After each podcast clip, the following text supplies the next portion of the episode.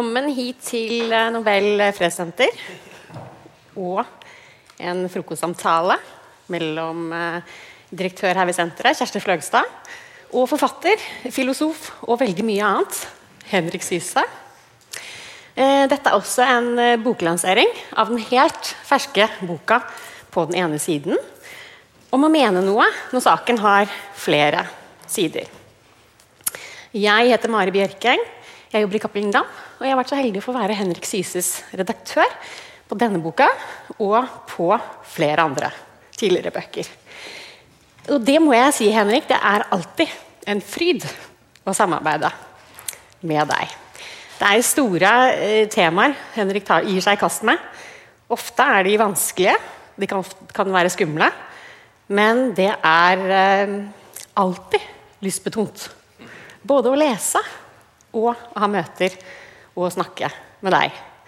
Og være med på manusutviklingen. Og så er det jo en fordel at en forfatter har evnen til å se to sider av saken. Det gjør samarbeidet så mye enklere. Eh, det skal vi høre litt mer om siden. Eh, så Kjersti Fløgstad, det er din tur eh, først ønske velkommen. Tusen takk, Mari. Eh, og så vil jeg bare si gratulerer med bok, og på vegne av meg selv og Cappelen Dam så er vi stolte og glade over å ha deg som forfatter.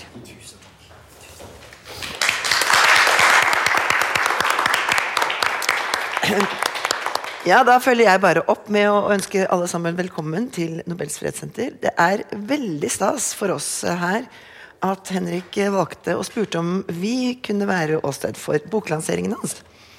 Eh, Henrik har jo, eh, som dere alle vet, også en tett tilknytning til Nobelsystemet. Han har sittet i Nobelkomiteen og vært eh, nestleder i Nobelkomiteen.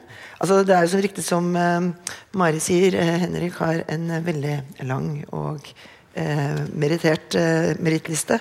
Det står bare litt foran i boken her. Men, eh, men eh, det som er eh, så fantastisk eh, fint med Henrik, er jo hans Ikke bare at han er filosof, men hans klokskap, og at han er så veldig enig i mye av det vi driver med her på Fredssenteret. og at han er en sånn veldig god venn av oss. Når man er leder et sted, så har man jo en slags makt til å definere hvor man vil at organisasjonen og virksomheten skal gå. Eh, og eh, den eh, makten, eller den påvirkningskraften, som jeg har hatt siden jeg begynte her i 2020, har jeg hatt lyst til å bruke til å passe på at vi bruker fredsprisvinnernes historier på en sånn måte at vi bidrar til å forandre verden litt. Um, og Det gjør vi på veldig mange forskjellige måter. Men en av de tingene som vi har vært blitt veldig opptatt av, det er dialog. Eh, vi ser at eh, veldig mange av fredsprisvinnerne, eller årsaken til at vi syns vi kan ta tak i det, da, er at veldig mange av fredsprisvinnerne faktisk har benyttet dialog på ulike måter i sitt arbeid for fred. Eh, Så det er på en måte en sånn slags minste felles multiplum for mange av dem. Og da tenkte vi at det kunne være nyttig for oss å være en, en plattform hvor vi også tar opp dette temaet høyt og tydelig. Og bidrar ut i samfunnet med et tema vi tenker er ganske viktig. I verden i dag og i samfunnet i dag. Og da har vi jo en veldig veldig god venn i Henrik, som eh, også er så veldig opptatt av dialog. Og dialogens betydning. Og denne boken er jo eh, en, jeg, håper å si, bruke, det, det, jeg vet ikke hvor mange ganger det står dialog i den boken, men det er veldig veldig mange ganger. Jeg kommer tilbake til det. Men derfor er det litt ekstra stas for oss å få lov å ha denne boklanseringen her i dag. Fordi dette handler om noe som ligger vårt hjerte veldig nært. Så med det så skal ikke jeg snakke mer nå. Jeg skal få lov anledning til å snakke med Henrik om boka etterpå. Men Henrik, nå skal du først fortelle litt om boka, og hvorfor det var så viktig for deg å skrive denne boka nå. Så ordet er ditt. Velkommen. Takk, Kjersti.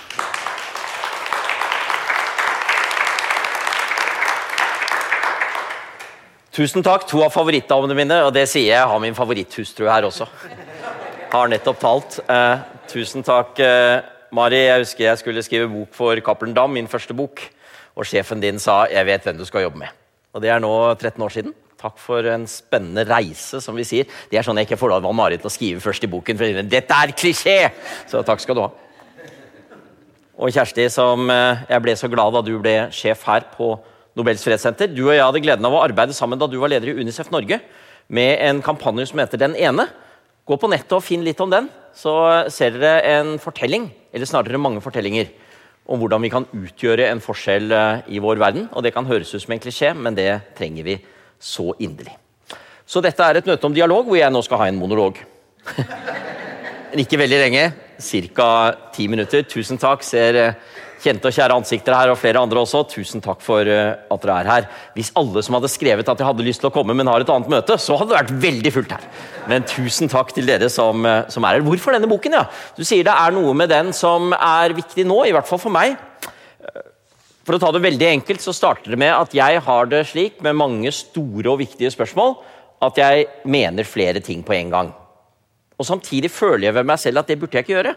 For dette er jo så viktige spørsmål at du kan jo ikke være usikker på dette. Noen ganger er jeg til og med enig med siste taler. Fordi jeg syns vedkommende er så utrolig elegant og tenker vedkommende må jo ha rett. Helt til neste taler er enda mer elegant. Og jeg lurer på hva skal jeg egentlig mene? Jeg er jo en sånn som av og til også blir bedt om å være med i radio- eller TV-programmer og mene noe. Og så er jeg rett og slett usikker på hva jeg mener. Jeg føler to behov som er ytterst viktige i vår verden, og som går rett inn i Nobelsammenhengen. Det ene er behovet for å ta standpunkt. Vi trenger faktisk i dag en verden hvor vi ikke forholder oss likegyldig til det som skjer. Det har alltid gjort inntrykk på meg å høre fra mennesker som var i opposisjon til nazismen, hva de sa etter den annen verdenskrig, de som overlevde. Og nesten alle som en sier vi skulle ha tatt standpunkt tidligere. Vi kunne ha ment noe, vi burde ha sagt fra. Ja, Det er kanskje ikke tiden for diktopplesning, men jeg gjør det allikevel, for Martin Niemøllers dikt fortjener ennå å leses. Først kom de for å ta jødene, og jeg sa ingenting, for jeg var jo ikke jøde. Så kom de for å ta kommunistene, og jeg sa ingenting, for jeg var ikke kommunist. Så kom de for å ta de fagorganiserte, og jeg sa ingenting, for jeg var jo ikke med i fagbevegelsen. Så kom de for å ta meg, og da var det ingen igjen som kunne si noe. Med andre ord behovet for å ta standpunkt. Og samtidig så er det én ting jeg merker med mye av vår verden nå, er at den er så utrolig skråsikker. Man er så utrolig sikker på at jeg har rett, og da må jo de andre ta grunnleggende feil. Man trenger ikke gå til avisenes kommentarfelt for å skjønne at her er det mye sinne som er ute og går, og ikke minst veldig mye behov for å posisjonere seg og si at vi står for det som er rett, og de andre tar feil.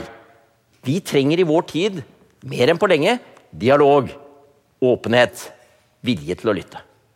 Men kan vi kombinere de to? Kan vi både være prinsippfaste og åpne for å lytte? For ikke å kjede dere, for alle dere som er her, har selvsagt tenkt å lese denne boken i detalj. Og Hvis dere ikke har det, som jeg pleier å si, så skriver vi såpass tynne bøker jeg, at, uh, Mari, at uh, de kan også brukes til å rette opp et bord som vipper.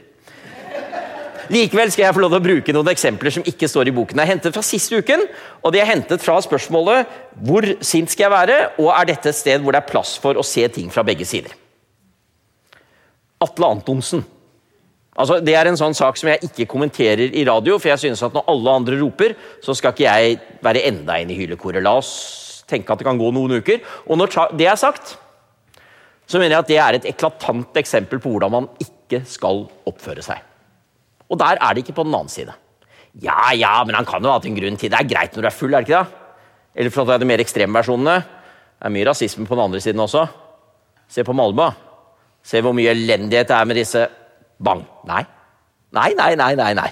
Og Det er ikke fordi jeg skal henge ut én person eller si at alle skal løpe etter ham, eller si at han ikke har rett på noen tilgivelse hvis han ber om det. Men det er ikke en på den annen side. Men la oss ta en annen, hvor mange mener at det er ikke noe plass for den andre siden. Men der er jeg litt usikrere. VM i Qatar. Altså, Jeg satt i etisk råd for norsk fotball da Qatar fikk fotball-VM. Og Da var jeg ganske tydelig dette er noe av det dummeste vi kan gjøre. For vi er nødt til å stille mye strengere krav. Vi, sier jeg. Det var jo ikke Norge som tok den avgjørelsen. Det viser seg at det var tatt med ganske mye korrupsjon oppe i høye kretser. Og det burde ikke ha vært gjort på den måten. Jeg er av den mening at man også kan ha tydeligere regler på menneskerettighetskriteriene som gjør at et Russland eller Kina i dag faktisk ikke får, eller i hvert fall skal sitte langt inne at de får den type begivenheter.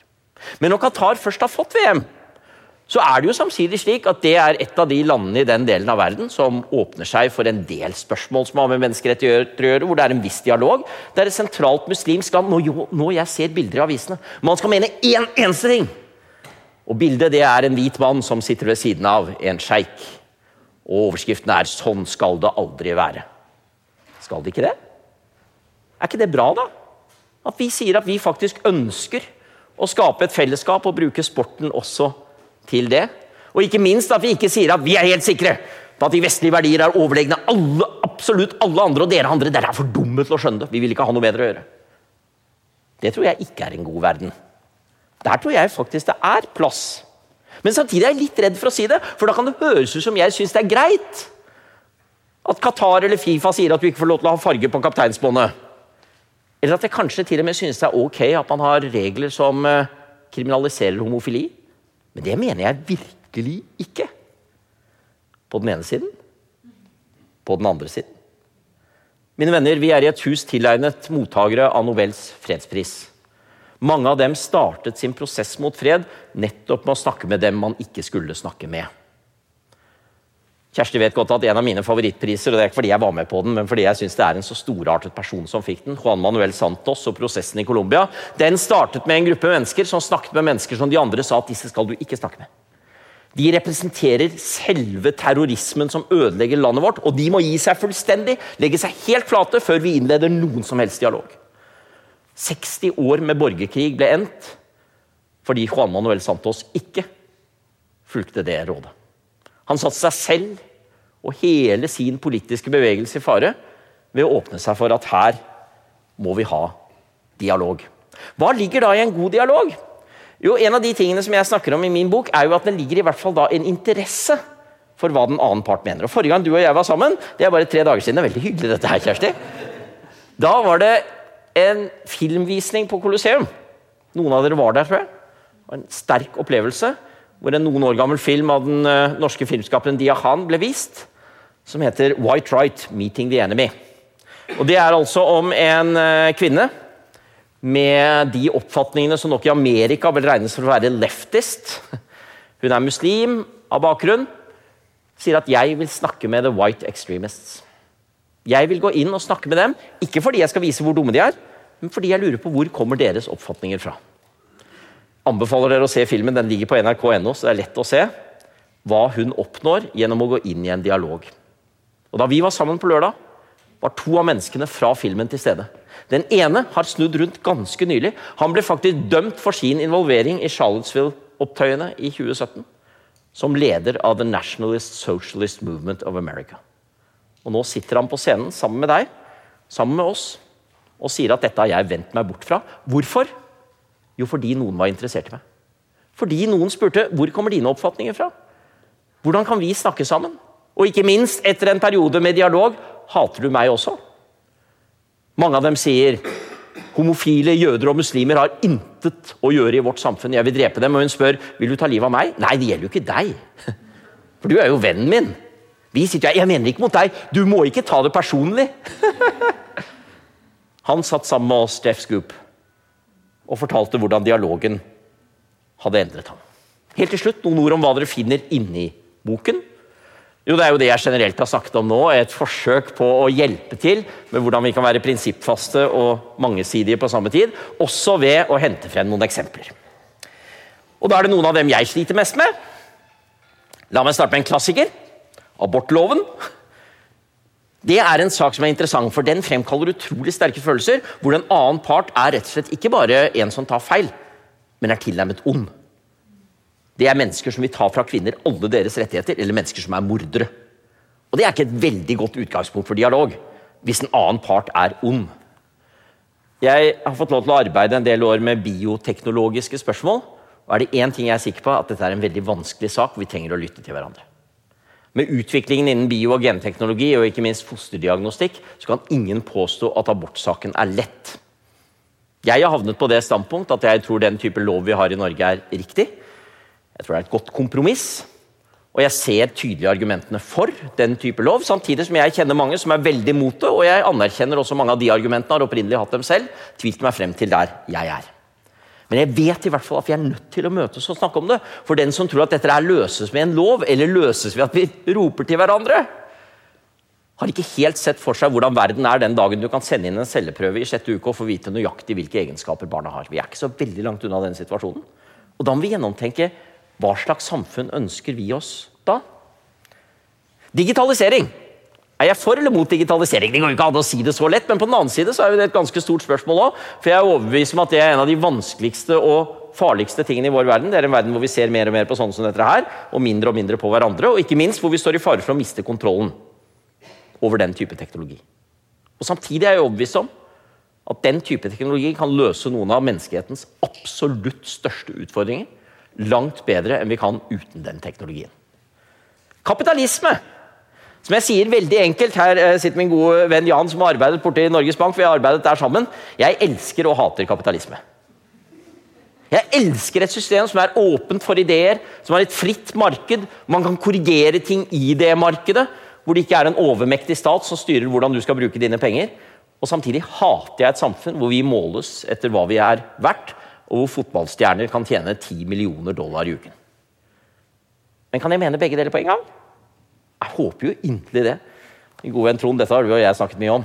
Hvordan vi kan eh, være glad i et samfunn som vi også mener bør korrigeres. Jeg tror en eh, kapitalisme uten grenser, og ikke minst en kapitalisme som preger våre holdninger, er livsfarlig. Jeg skriver om skolen. Vil jeg ha en snillere eller strengere skole? Jeg vil ha begge deler. Jeg skriver om media. Vil jeg ha mer anstendige media eller hardere og mer kritiske media? Jeg vil ha begge deler. Trenger vi i vår verden mer vekt på naturvitenskap og respekt for naturvitenskapen, eller trenger vi mer rom for åndelighet? Jeg tror begge deler. Og Sånn tviler jeg meg gjennom boken, og Håper jeg kan ta med noen av dere på den unnskyld Mari, reisen gjennom disse spørsmålene. Igjen, tusen takk for at dere er her, og nå gleder jeg meg til å høre hva Kjersti har å stille av spørsmål. Det er litt som å være oppe til en doktordisputas. Uh, men en veldig hyggelig sådan. Tusen takk for oppmerksomheten.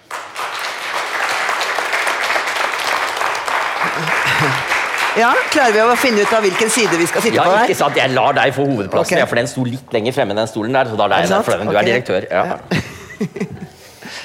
uh, morsomt å høre, og utrolig gøy å lese boken din, eh, Henrik. Jeg har kost meg med den uh, boken. Og du var jo litt innom det når, her i stad, at du har skrevet om ganske vanskelige temaer. Du nevnte abort, du har skrevet om seksualitet, homofili rasisme. Det er veldig mange krevende temaer som du har vært innom. Um, og det er fantastisk Og jeg vet ikke om jeg har blitt noe mer sikker på hva jeg selv mener. Det må jeg. Nei, Men det gode er at uh, du har gitt argumenter for begge sider, og lukker opp, sånn at vi ser um, at det er poenger på andre siden også. Så kanskje jeg har blitt eh, litt eh, mer tvilende og tvisynt, som du kaller det, mm. ved å lese denne boken. Og i hvert fall ganske mye klokere, da. Um, vi snakket litt om dette her, vi har snakket om det flere ganger, dette med, eh, dette med uh, hvordan kommentarfeltene og liksom hvordan samfunnet vårt har blitt. Og dette som du sa helt innledningsvis, at vi er så veldig bråsikre på hva som er riktig, og veldig harde. Um, så er det mange som sier at ja, men det er bare veldig få. Men hva tror du skjer med alle de som ligger imellom disse brå? Hva, hva skjer med oss? Det er et veldig spennende spørsmål. For jeg tror du har rett at det er ikke nødvendigvis slik at et flertall i samfunnet har veldig ekstreme meninger, eller ønsker å skjelle ut andre som har det. Men det gis et inntrykk av det. Og det inntrykket gis på flere måter. Eh, jeg vet ikke nå om Dagbladet er til stede her, men det kapitlet jeg hadde det morsomt med å skrive, er i hvert fall media. For da hadde jeg tatt en runde innom Dagbladets nettsider. Jeg vet ikke om noen dere har vært her. Dette er den tidligere anerkjente kulturradikale avisen i Oslo. Som har laget en nettside som roper. Og den roper absolutt hele tiden. Og den roper om alt! Og alt er en skandale. Hvis du har sunget litt falskt i Maskorama, er det kjempeskandale! Eh, favoritteksempelet mitt, og dette har jeg ikke vist deg ennå, han og min kone, men eh, det er med banneord i boken. Det er nemlig overskriften over en fra X on the Beach som har giftet seg. TV-stjerne giftet seg, kolon. Og så er det da et sitat. Kjempebokstaver! Sitatstrekk foran. Faen! Det er fin sak, hva? Cirka sak nummer tre når du scroller oppover. Hvorfor bruker jeg det som eksempel? Jo, jeg tror det gis et inntrykk av at du bør være sint. Og et av de landene som har gått foran der, på godt og vondt, på dette mest på vondt, er nok USA. Og USA er et interessant land sånn sett, både fordi jeg er veldig glad i Amerika, jeg har familie der. Noen av mine beste venner er fra Amerika. um, Jeg har bodd der. Men det er samtidig et samfunn som kjører opp temperaturen veldig. Og min tese, og det er vel en av de tingene i boken som har kanskje litt mer sosiologisk interesse, er at det henger også sammen med at man kombinerer to ganske skumle ting, altså som er skumle i kombinasjon. Det er underholdning på den ene siden og moralisme på den andre.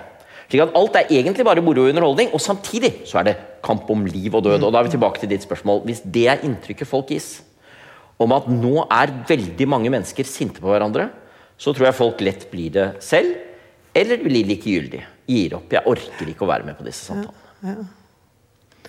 Og det føles jo kanskje også litt skummelt å stikke hodet ut for andre, sånn at vi blir litt eh, eh, engstelige for å trå feil.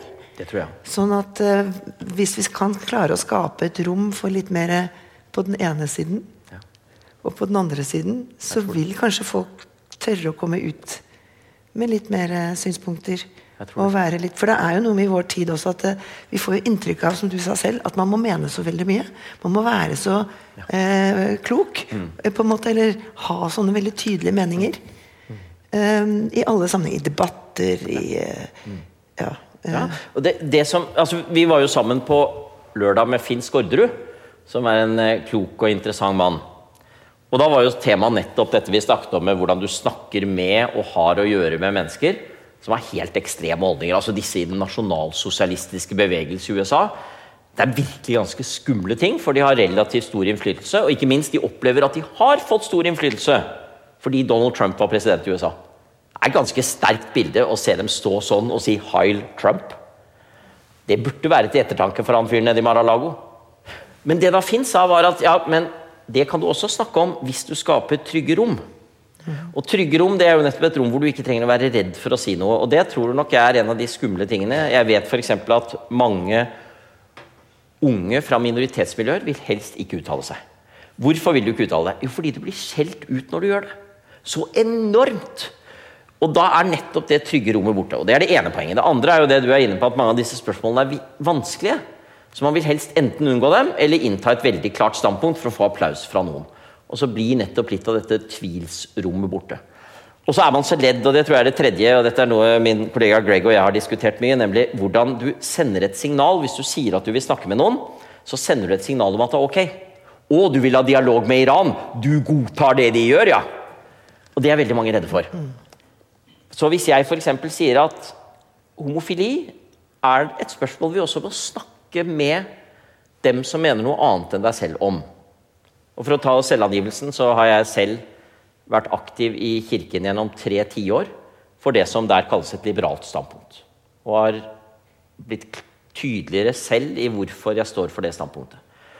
Og så har jeg samtidig sagt her må vi lytte. Og da har jeg blitt angrepet for hvordan i all verden kan du lytte til intoleranse og ondskap. ikke sant?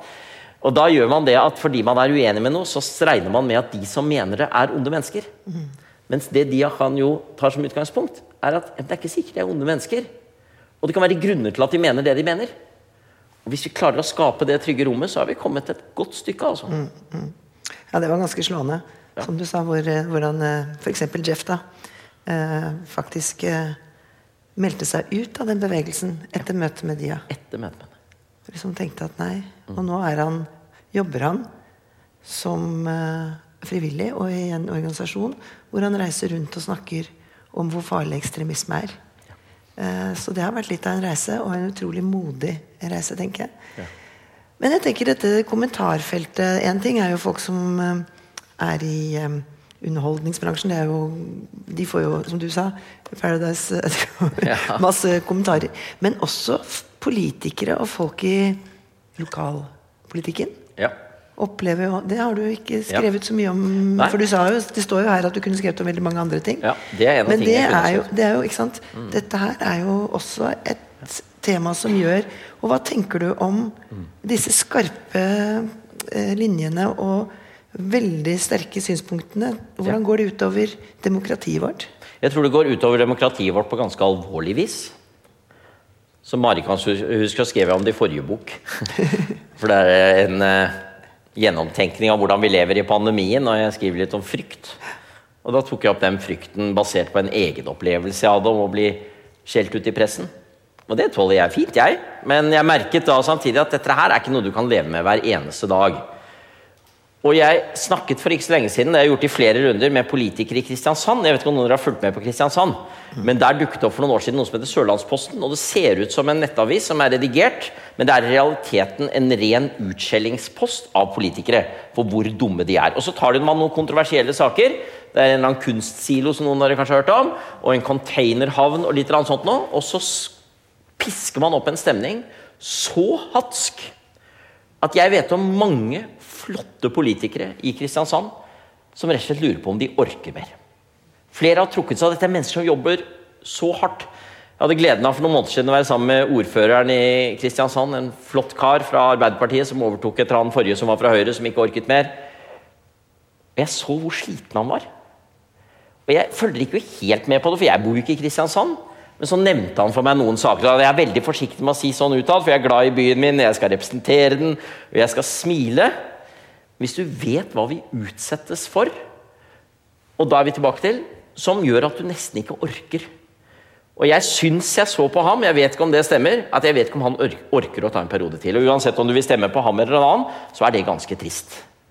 Og hvis det er noe som er akselererende, hvis det er helt isolert, så kan man si at det er Kristiansands problem. Da får de løse opp i det. Men jeg tror dette er noe som er akselererende, og jeg tror en av de tingene som gjør at det blir mer av det, det er den teknologiske utviklingen. Fordi det blir mye, mye lettere å spre disse tingene.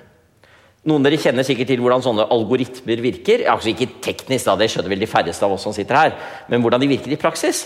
For da kan du multiplisere sånne innlegg på et perfekt språk. Selv om de kommer fra en trollfabrikk i Russland, så kommer de på det beste norsk eller på det beste engelsk, som ca. hver tredje i kommentarfeltene nedover.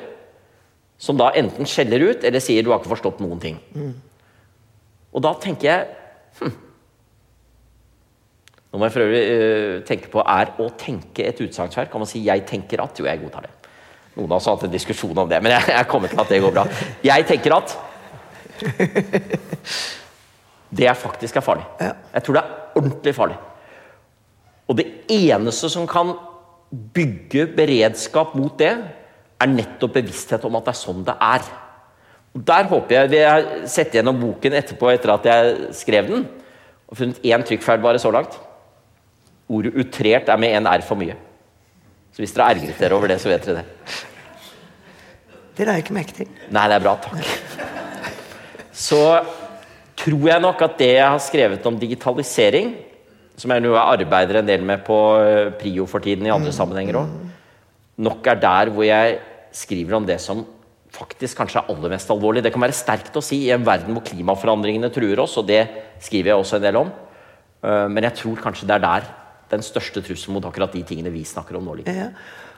Og i, bak meg her så har vi en utstilling som nå tas ned det siste dag på søndag. man får se Den Den handler om eh, fredsprisvinnerne Maria Ressa og Dmitrij Muratov, som fikk fredsprisen i fjor. Eh, og dette er et tema de er kjempeopptatt av. Særlig Maria Ressa. Ekstre, begge to, egentlig. Men ekstremt opptatt av hva sosiale medier som Og når det blir den eneste nyhetskanalen, sånn som det er på Filippinene, ja. hvordan det kan utnyttes og misbrukes eh, så til de grader at Marcos, som er sønnen til ja. Ferdig, ja. ja. Og, de, og, og, og, de var jo på en måte De ble jo kastet ut. Hatobjekter. Og nå kommer han tilbake og fremstiller seg selv som en helt. Eh, ved hjelp av å bruke akkurat det du sier. Oh, og oversvømme eh, nettet. Jeg tror faktisk han ødelegger hele landet. Ja. Eh, min kollega og venn Stein Tønneson på Prio eh, har arbeidet mye med Myanmar. Og eh, han har arbeidet med spesialister på sosiale medier som har observert at da Myanmar begynte å åpne seg demokratisk for rundt ti år siden, stor glede Aung San Suu Kyi kunne endelig komme og motta Nobels fredspris. Det ble kontroversielt etterpå, det òg, men jeg tror vi alle kan være enige om at hun fortjente den da hun fikk den, og det var stort da hun fikk komme og holde sin tale så var det omtrent akkurat samtidig med at Facebook kom som globalt fenomen. Og da man dermed skulle etablere medier i Myanmar, så var det Facebook som bare oversvømmet markedet. Så det ble ikke noe plass for en klassisk liksom, ja, Hvordan var det i min oppvekst? Aftenposten og Arbeiderbladet? var det ikke det? Ikke sant? Vet, kongen han hadde det alltid slik at Hvis det var borgerlig regjering, leste han Aftenposten først. Og hvis det var sosialistisk regjering, leste han Arbeiderbladet først. Og Du fikk liksom ikke de helt ekstreme synspunktene, men uten å skulle være nostalgisk. som det heter i et godt ordtak, Nostalgien er ikke hva den var. For det. Men eh, hvis vi skal være litt nostalgiske, skal vi mene at det var nok en ganske god tid egentlig for politisk utveksling. Hvor du hadde saklige debatter, sikkert litt kjedelige, men som også var preget av at man tross alt befant seg i samme verden. Hva skjedde i Myanmar? Jo, to leire skaptes umiddelbart som skjelte ut hverandre. Og de ble hardere og hardere i den forstand at den ene siden var den eneste du leste. Så hvis f.eks. du var en del av en majoritetsbefolkning som var skeptisk til de muslimske rohingyaene, så leste du om det hver dag. Så den første tingen du fikk opp når du sto opp på mobiltelefonen din, det var livsfarlige terrorister er i ferd med å ta våre kvinner. Og det er klart Hvis du hører det hver eneste dag, og du får ingen Den motsatte veien. Det er ikke sånn Nå burde du lese lederen i Arbeiderbladet. Nei, ingen som ber deg om det. Og jeg vil mene, jeg kan ikke på langt nær nok om Myanmar til å trekke de endelige konklusjonene, men jeg vil mene at det er blant de tingene som har vært med på å ødelegge det landet fullstendig. Fra en veldig håpefull situasjon. Fra et fantastisk utgangspunkt. Man opplevde nå skal vi faktisk bygge demokrati. Jeg vet ikke om dere husker den optimismen vi følte rundt Myanmar for ti år siden? Ja, det var jo omtrent den samme tid da vi hadde stor optimisme rundt den arabiske våren. Husker at en del av dem som gjetter på hvem som skal få Nobels fredspris Nå har jeg sittet på innsiden, så nå vet jeg at de tar som oftest feil. Det er gøy å gjette likevel. De mente at sosiale medier kommer til å få Nobels fredspris. Fordi de bidrar til demokratisering. Se hva som skjer. Der er vi ikke nå, og det er alvorlig. Og da, Du nevnte jo i sted eh, media. Du ønsker en kritisk media, du ønsker mer balansert. Men dette viser jo viktigheten av redaktørstyrt media som har eh, et oppdrag eh, og kvalitetssikrer eh, informasjonen og nyhetene sine. Man kan noen ganger lure litt, men eh, ja. Oh, ja. Eh, og, eh, og, det er jo faktisk en bransje som veldig er under press pga. sosiale medier. Enormt. Og én ting man vil merke hvis man gidder å lese noen bøker av meg, er hvor begeistret jeg er for pressens faglige utvalg. Og det er ikke bare fordi jeg har sittet der. altså Det er vel noe av det fineste jeg har fått lov til i livet mitt, ved siden av å jobbe med Cappelen Dam og, og, sitte i Nobelkomiteen. Eh, det må være 14 år i pressens faglige utvalg. For det er altså et eksempel på akkurat det du sier. At vi har redaktørstyrte medier som stilles til ansvar for det de skriver. Og hva er det PFU eller Pressens faglige utvalg er? Det er en selvdømmeordning med god plass for å diskutere hva er riktig og hva er ikke. Men Pressens faglige utvalg er ikke en juridisk ordning. Du får ikke noe bot. Du havner ikke i fengsel hvis du dømmes i Pressens faglige utvalg. Du må skrive i ditt medium at vi er faktisk felt, og det tar mange medier veldig tungt. Og Det er et eksempel til etterfølgelse. Jeg har snakket med mennesker fra mange land som er i ferd med å utvikle en presse, og som sier dette er det vi trenger. Men dessverre, som du sier, så er det under svært stort press i dag. Og utviklingen mange steder går heller i en annen retning. Mm. Men jeg har fått lov til å sitte i noe som heter Polaris-stiftelsen, som er en stiftelse opprettet av en av Norges største medieeiere, som eier bl.a. Adresseavisen og Fedrelandsvennen. Og det har gitt meg litt sånn håp tilbake på livet igjen. altså. For det er en av oppgavene mine det er en gang i året sammen med resten av styret i denne stiftelsen å lese i alle disse lokalavisene. De har mange av de små lokalavisene i nord, f.eks. Og vi skal stille kritiske spørsmål om presseetikken. Og der ser jeg mange våkne og flotte redaktører. altså. De har kanskje en stab på to journalister og én regnskapsfører. Og så er de samtidig så intenst opptatt av at vi skal skrive skikkelig og ordentlig. Og i mange av de lokalmiljøene Jeg fremhevet Kristiansand som et dårlig eksempel. Det er heldigvis For hvert dårlig eksempel er det mange gode, og det er nettopp pga. dette. Eh, så det skal vi virkelig ta vare på. For faren er jo at om 15 år så er de redaktørstyrte mediene helt irrelevante. Nettopp fordi alt er blitt overtatt av et sosiale medier-felt uten redaktør. Og hvor Maria Ressa veldig tydelig sier de har jo en forretningsmodell som overhodet ikke er interessert i sannheten eller å være, ha et samfunnsoppdrag. Forretningsmodellen går jo på klikk og på å få liksom, engasjement. Som jo skaper akkurat det motsatte. Akkurat det motsatte. Så vi skal være veldig glad i Norge. Vi har en allmennkringkaster, og vi har eh, statsstøtte til eh, aviser. Det er kjempeviktig. Enormt viktig. og Derfor har jeg jo lyst til å si jeg bestemte meg for da jeg ikke lenger var medlem av Nobelkomiteen, at hvert år det er en nobelpris jeg liker, så skal jeg si at den diskuterte vi i min tid òg.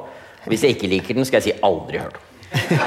eh, men det har vært to flotte, flotte priser. Eh, og den til Maria Reza og Dmitrij Muratov betyr mye, fordi den er også med på å styrke det budskapet. Og ikke minst da sannhetssøken.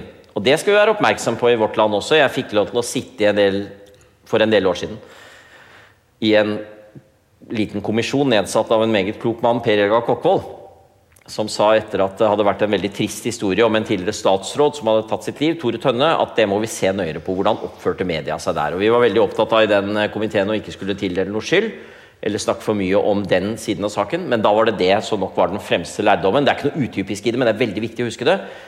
På den annen side.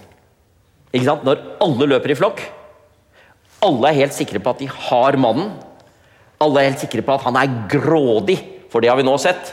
Får vi heller korrigere om fire uker hvis det ikke stemte allikevel. Så er vi på et spor som vi ikke skal være.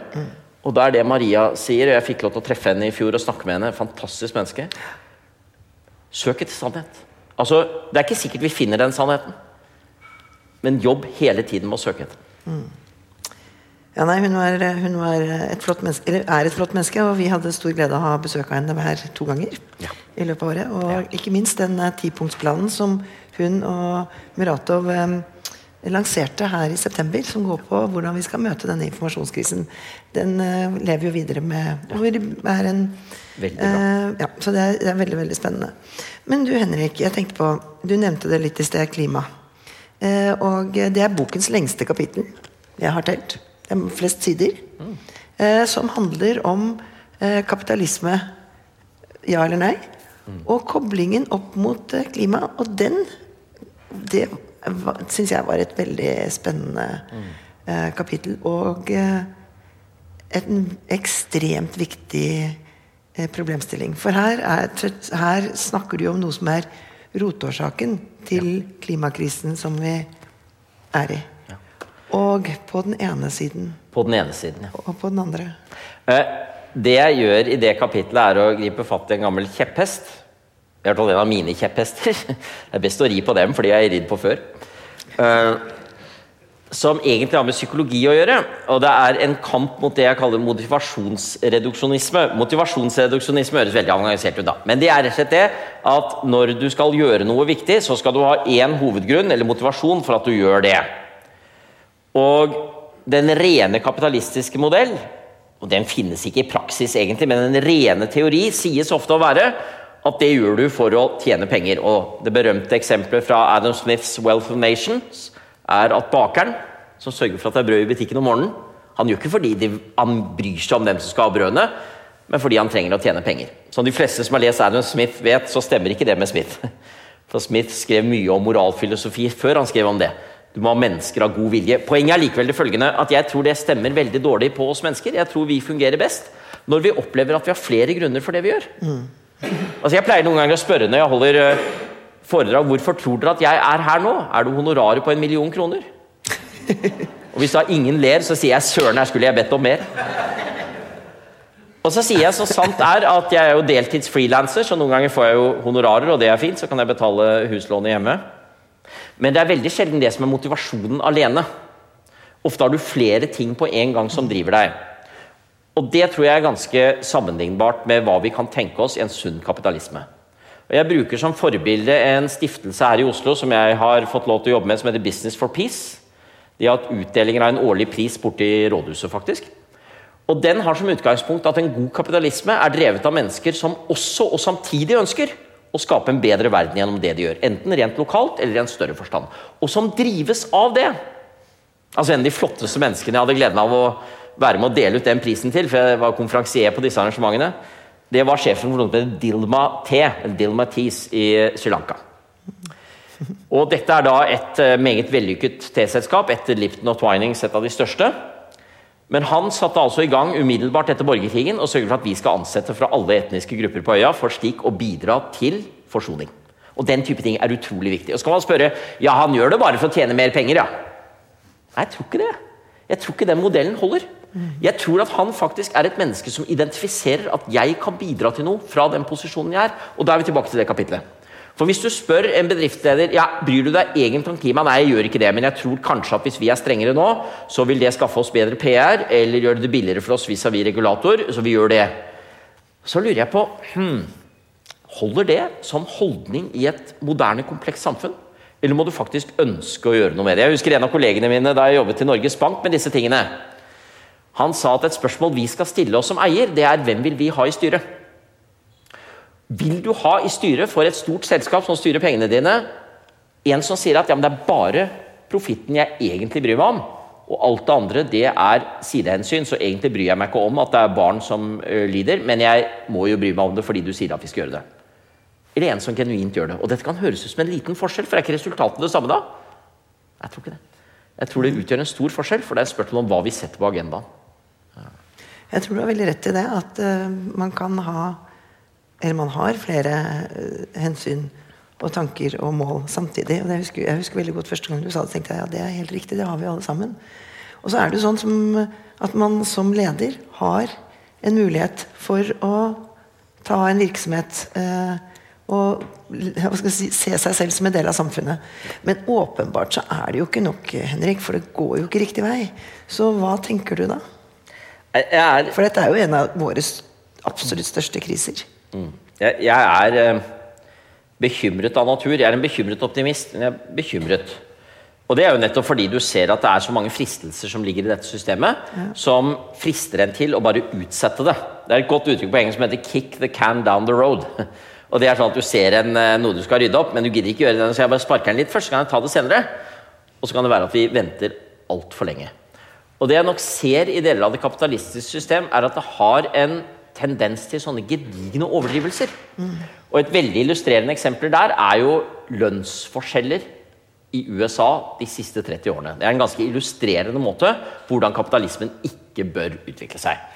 Hvis vi skal si det i veldig enkle ordelag, til tross for borgerrettskamp, til tross for Vietnamkrigen, så var 60-tallet og inn på 70-tallet en ganske optimistisk tid i USA, fordi veldig mange opplevde at nå går det bedre.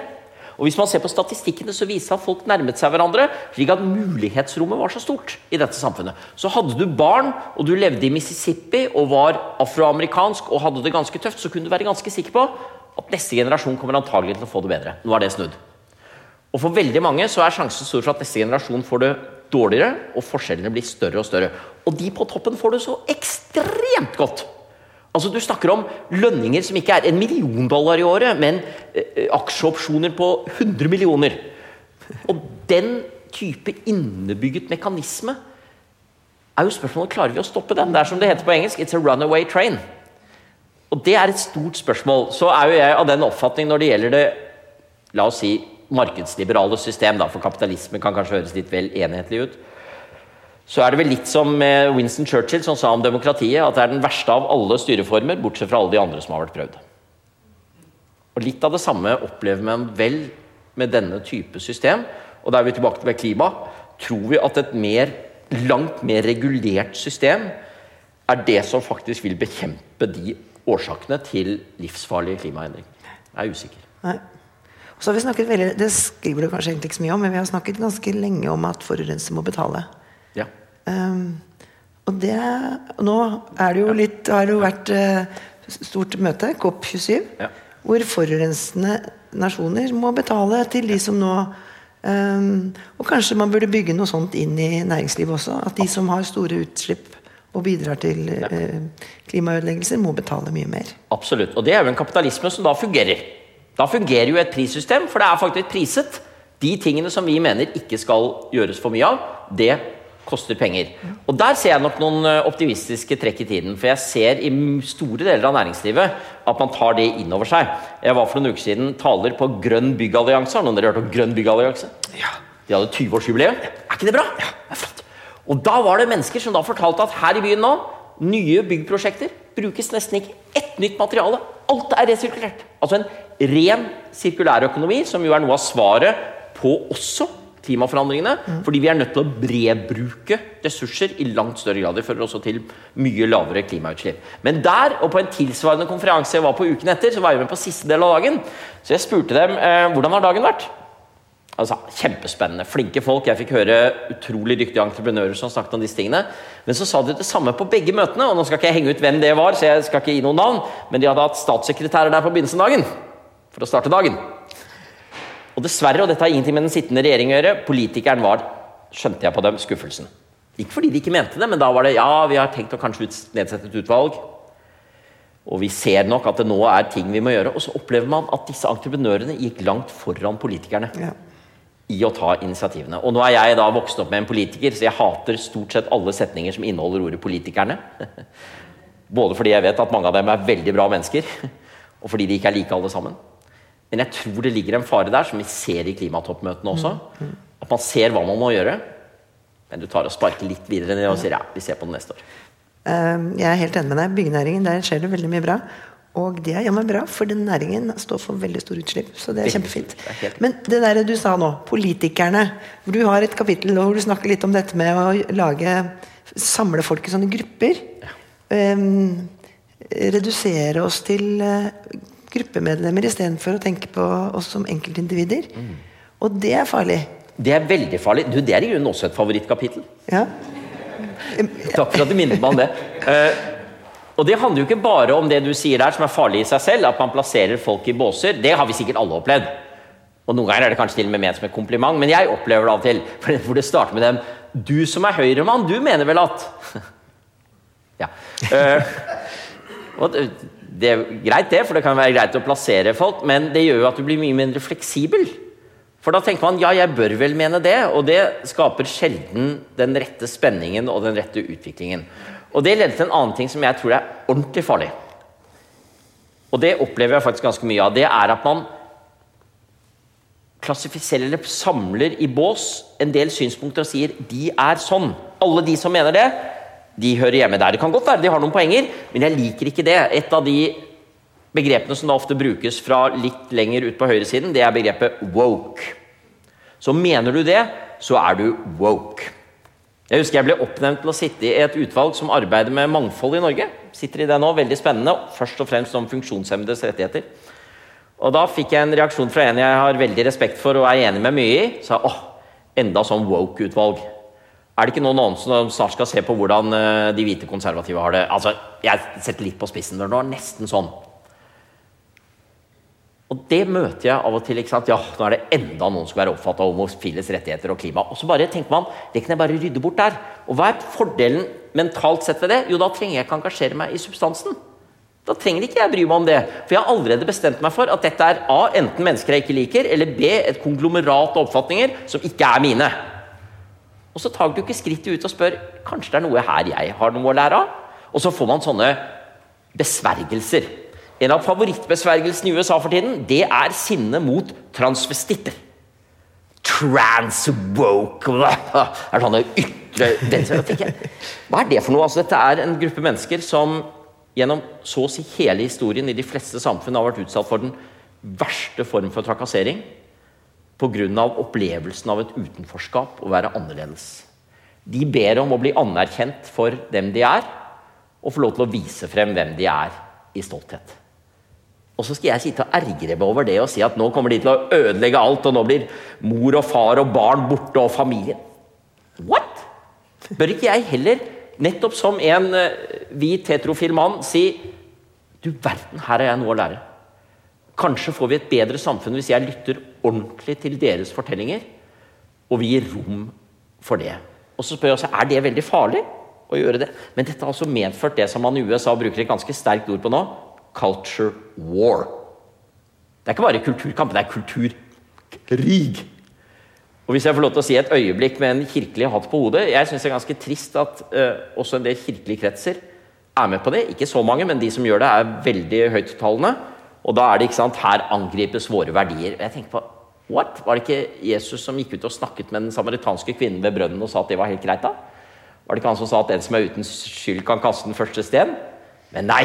Nå angripes vi! Og det tradisjonelle.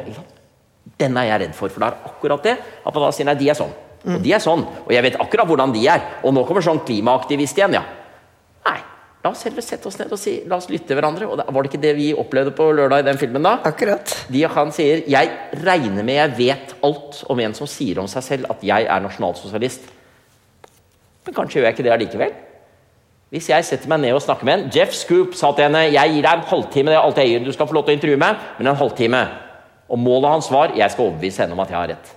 Det første møtet varte i fem timer. Fordi de to satt og så hverandre i øynene. Og hun var interessert i ham og spurte 'Hvor kommer du fra?' Det trenger vi mer av.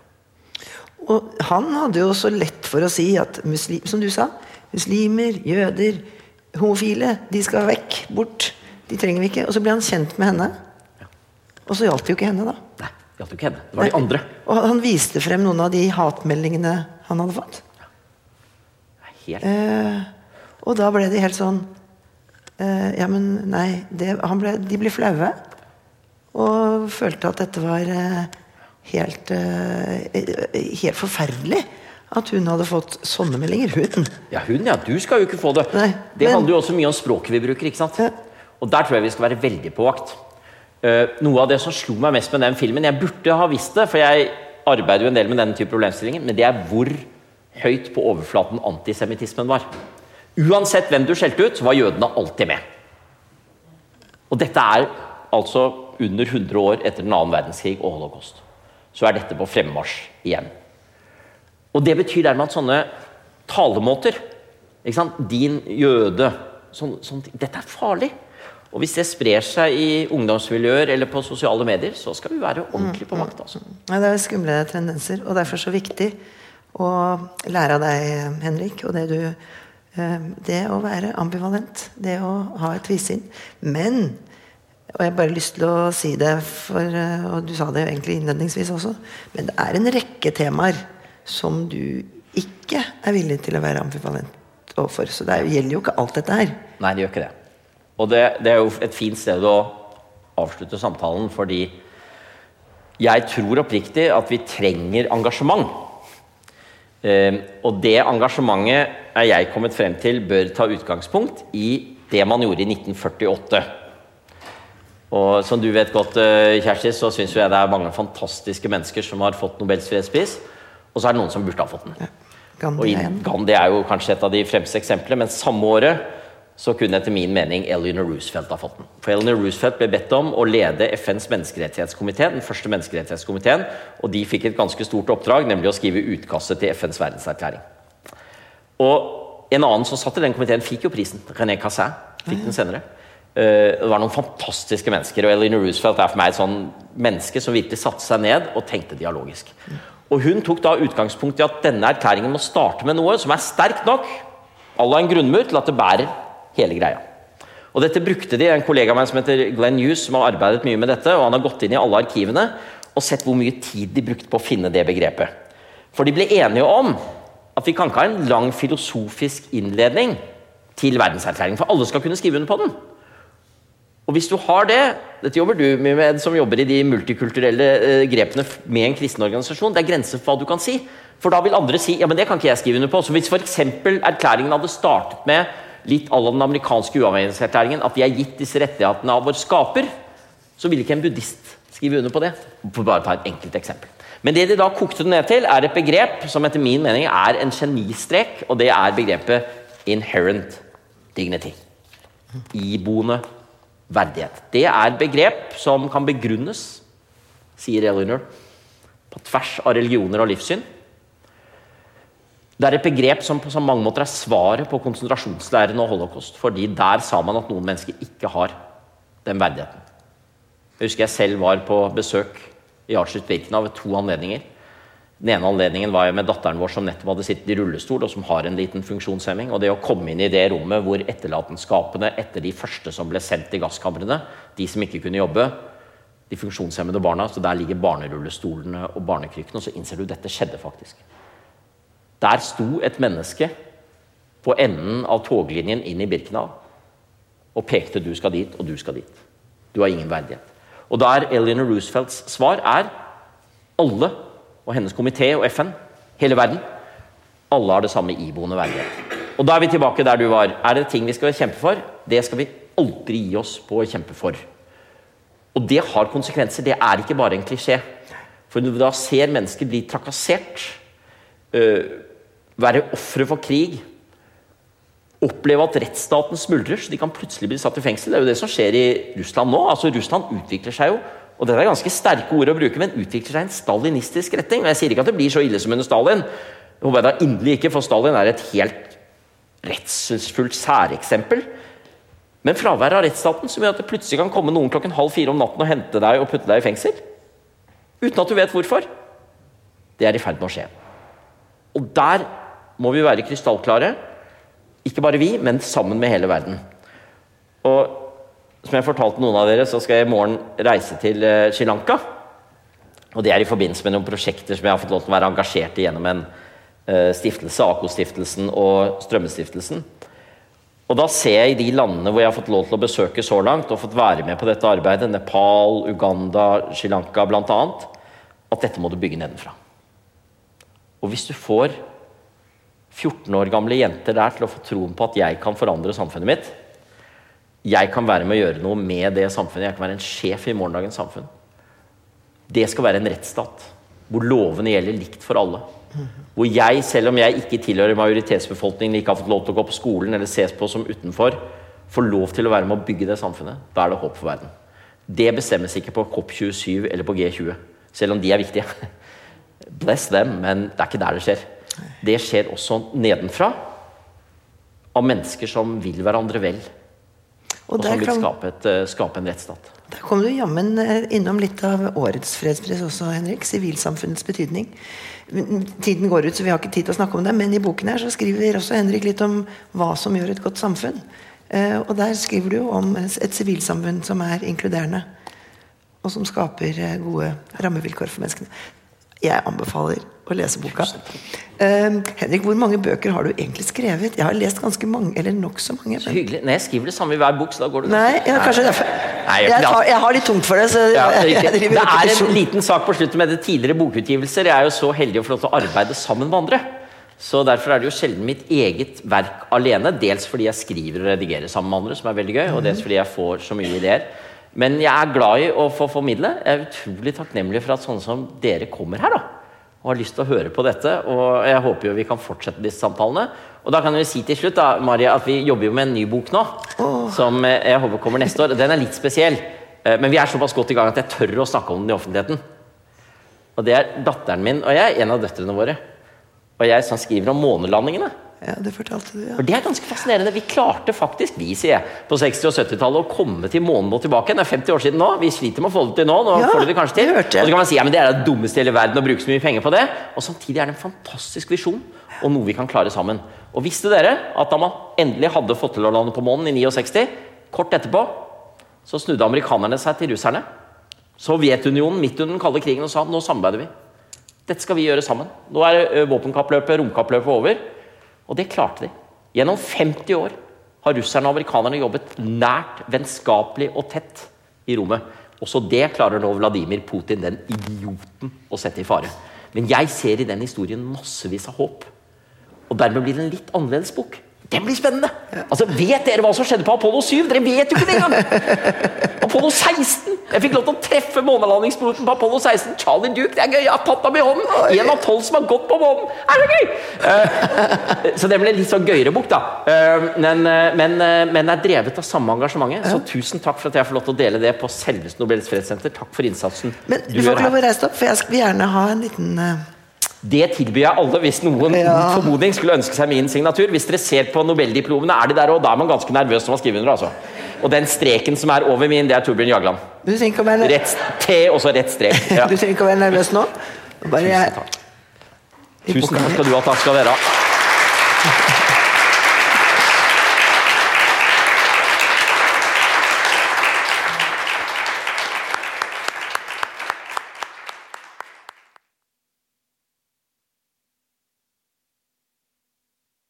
Fantastisk dere kom, altså.